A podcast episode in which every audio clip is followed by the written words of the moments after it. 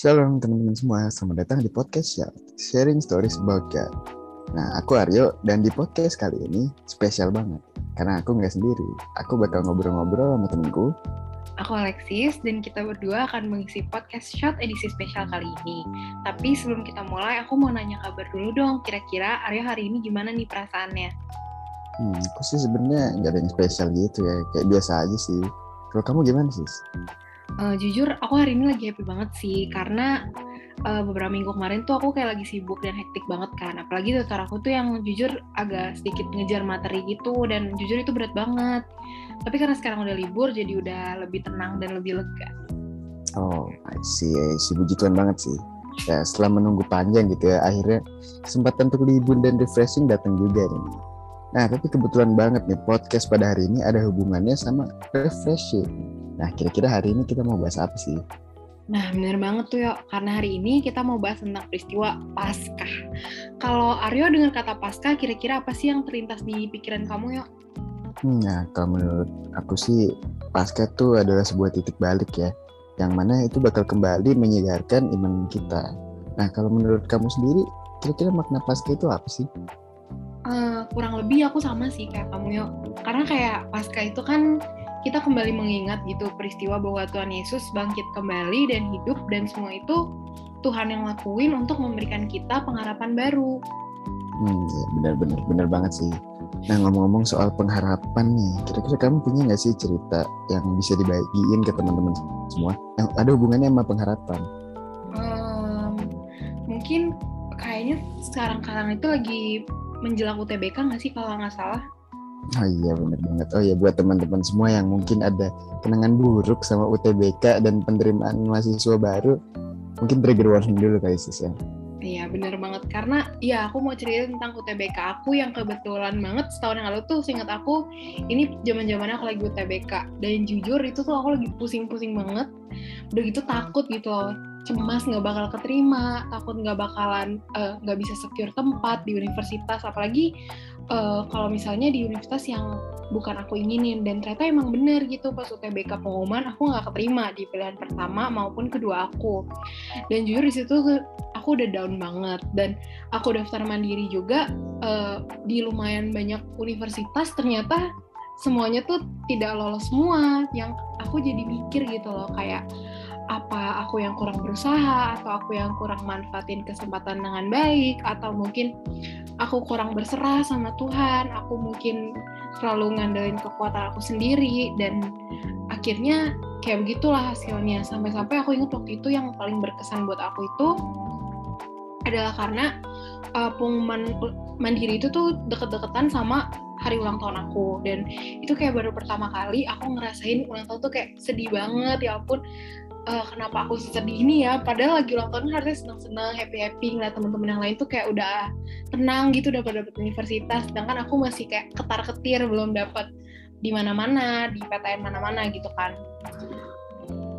Nah sampai aku inget pokoknya sehari sebelum aku ulang tahun tuh salah satu universitas yang emang aku inginin di situ tuh uh, buka pengumumannya. Dan ternyata aku nggak lolos. Dan itu bikin tambah down lagi sampai kebetulan juga sehari setelah aku ulang tahun itu pengumuman dari SMUP di Unpad. Nah, aku sebenarnya udah hopeless banget tuh kayak udah nggak berharap banyak lah universitas lain aja udah nolak aku apalagi Unpad gitu kan. Aku kayak udah itu pengumuman diundur-undur jadi kayak aku nggak berharap banyak dong. Sampai-sampai pas aku buka portalnya itu tiba-tiba yang ketulis lulus. So kayak hah seriusan so kayak ya ampun puji Tuhan terima kasih Tuhan Yesus kayak gimana ya menurut aku tuh itu malah jadi kayak ada ulang tahun yang paling berkesan gitu loh buat aku karena datangnya langsung dari Tuhan gitu. Dan dari situ aku jadi refleksi kembali kalau misalnya uh, apa yang Tuhan kasih itu pasti selalu yang terbaik bagi kita. Mungkin uh, kita ada diterpa dulu dikit tapi kita tuh bisa percaya sama Tuhan, bisa menaruh pengharapan kita ke Tuhan karena sekalipun diterpa badai itu kita tuh dikuatkan dan diberikan sesuatu yang lebih baik. Dan dari situ aku belajar kalau misalnya uh, di dalam Tuhan itu nggak ada pengharapan yang buruk, pasti selalu baik untuk percaya sama apa yang ada di tangan Tuhan dan uh, berkat Tuhan. Gitu yo. Oke banget. Terima kasih sebelumnya nih atas ceritanya nih sis. Kayaknya sangat wah, kado ulang tahun tuh biasanya kan makanan, bingkisan gitu, nggak barang apa kayak yang kita suka.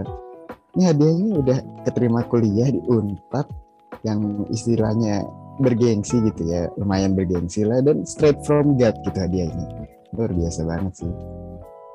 Tapi ya emang saat kita ada di dalam ketidakpastian itu emang worst feeling ever sih. Apalagi kalau teman-teman kita yang lain itu udah nyaman, udah di posisi yang aman, mungkin dalam hal ini udah keterima kuliah gitu ya di tempatnya masing-masing. Dan sementara kita masih ya istilahnya ada di tengah-tengah badai gitu ya, badai ketidakpastian. Nah tapi dari ceritanya Alex ini sebenarnya ada hubungannya sedikit nih sama Pasca. Mungkin teman-teman bertanya-tanya apa sih hubungannya emang ada hubungannya Pasca sama keterima kuliah?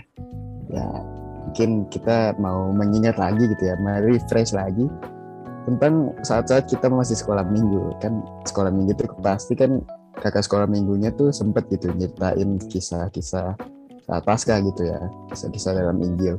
Nah aku mau ngajak teman-teman buat nginget-nginget begitu ya. Keadaan murid-murid Yesus di tengah-tengah saat Yesus wafat dan nantinya Yesus bangkit. Kan Yesus wafat tuh di Jumat Agung gitu ya dan bangkit lagi di Minggu Paskah pagi gitu. Nah di antara hari itu kan ada tiga hari jeda ya. Nah, kira-kira gimana sih nasib murid-murid Tuhan Yesus? Nah teman-teman saat itu murid-murid Tuhan Yesus uh, kalian bayangin aja maha guru yang istilahnya sebagai idola mereka, sebagai role model mereka, dan bahkan mereka rela meninggalkan segalanya demi mengikut Tuhan Yesus. Bahkan Tuhan Yesus pun sudah menjanjikan sebagian dari kerajaannya untuk mereka. Nah bayangin ya teman-teman, Tuhan Yesus yang maha guru mereka itu mati begitu saja di kayu salib. Nah, teman-teman bayangin gimana sih perasaan murid-muridnya. Murid-murid Yesus saat itu kecewa ada, tapi lebih tepat, lebih besarnya begitu ya. Mereka takut. Karena bayangkan saja apabila tentara Romawi bisa melakukan hal sekeji itu terhadap Yesus, gimana ke murid-murid? Apakah mereka bakal bernasib sama dengan Yesus? Karena diterpa badai yang sangat amat luar biasa itu teman-teman murid-murid Tuhan Yesus bersembunyi dan saat itu mereka ketakutan dan pengharapan mereka saat itu sempat padam dan sempat terganggu karena badai dunia atau uh, tantangan yang begitu besar gitu. Nah tapi teman-teman dengan datangnya Paskah dengan kebangkitan Tuhan Yesus yang murid-murid bisa percaya bisa merefresh iman mereka terrefresh dan mereka benar-benar percaya bahwa Yesus bangkit dan Yesus hidup. Yesus sudah mengalahkan maut dan itu artinya tiada yang mustahil bagi Yesus. Nah, teman-teman semua, di sini aku mau membacakan satu ayat uh, yang diambil dari Roma 5 ayat 4 sampai 5. Dan ketekunan menimbulkan tahan uji dan tahan uji menimbulkan pengharapan.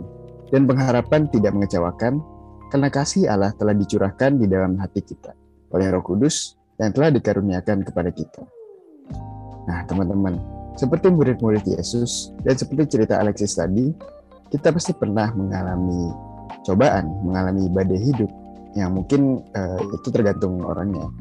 Uh, mungkin masing-masing dari kita memiliki cobaan yang lain uh, di bidang yang lain, di tempat yang lain, di waktu yang lain, kita tidak akan pernah tahu. Tapi teman-teman percayalah di tengah badai dunia yang begitu besar menerpa kita, penting buat kita untuk satu kita harus bekerja dengan giat uh, sebisa kita sesuai kemampuan kita. Kedua kita harus berdoa kepada Tuhan. Tapi yang paling penting teman-teman yang kadang orang lupa itu adalah sendirkan kepala kita, sendirkan semua harapan kita, semua doa kita, dan semua keinginan kita kepada Tuhan saja dan uh, niscaya bila kita telah melakukan hal tersebut, Tuhan pasti akan menjawab segala doa-doa kita. Mungkin jawaban Tuhan itu aneh, abstrak. Kita bisa lihat dari cerita Alexis, ya istilahnya di tempat lain, di universitas lain yang gengsinya mungkin bisa dibilang lebih rendah daripada Unpad, itu saja sudah ditolak. Kalau menurut pikiran logis manusia, tentunya pasti Unpad juga menolak. Tapi buktinya sekarang kita berdua ada di tempat ini dan bisa merekam podcast shout pada hari ini. Itu itu rencana Tuhan yang salah satu rencana Tuhan yang kita tidak bisa pungkiri itu memang tidak logis. Tapi ternyata di mata Tuhan tidak ada yang mustahil. Benar, mau saja dikalahkan. Dan uh, teman-teman, kiranya dengan kita dapat bersandar pada Tuhan, kita dapat menaruh pengharapan sepenuhnya kepadanya. Tuhan pasti tidak akan pernah meninggalkan kita, umat ya. Tuhan pasti akan terus mengikuti kita berjalan, sekalipun dalam badai dunia yang sangat besar. Dan teman-teman, jangan lupa bahwa Tuhan sayang sama kita. Tuhan selalu ada buat kita, dan dia adalah Tuhan yang luar biasa. Gitu.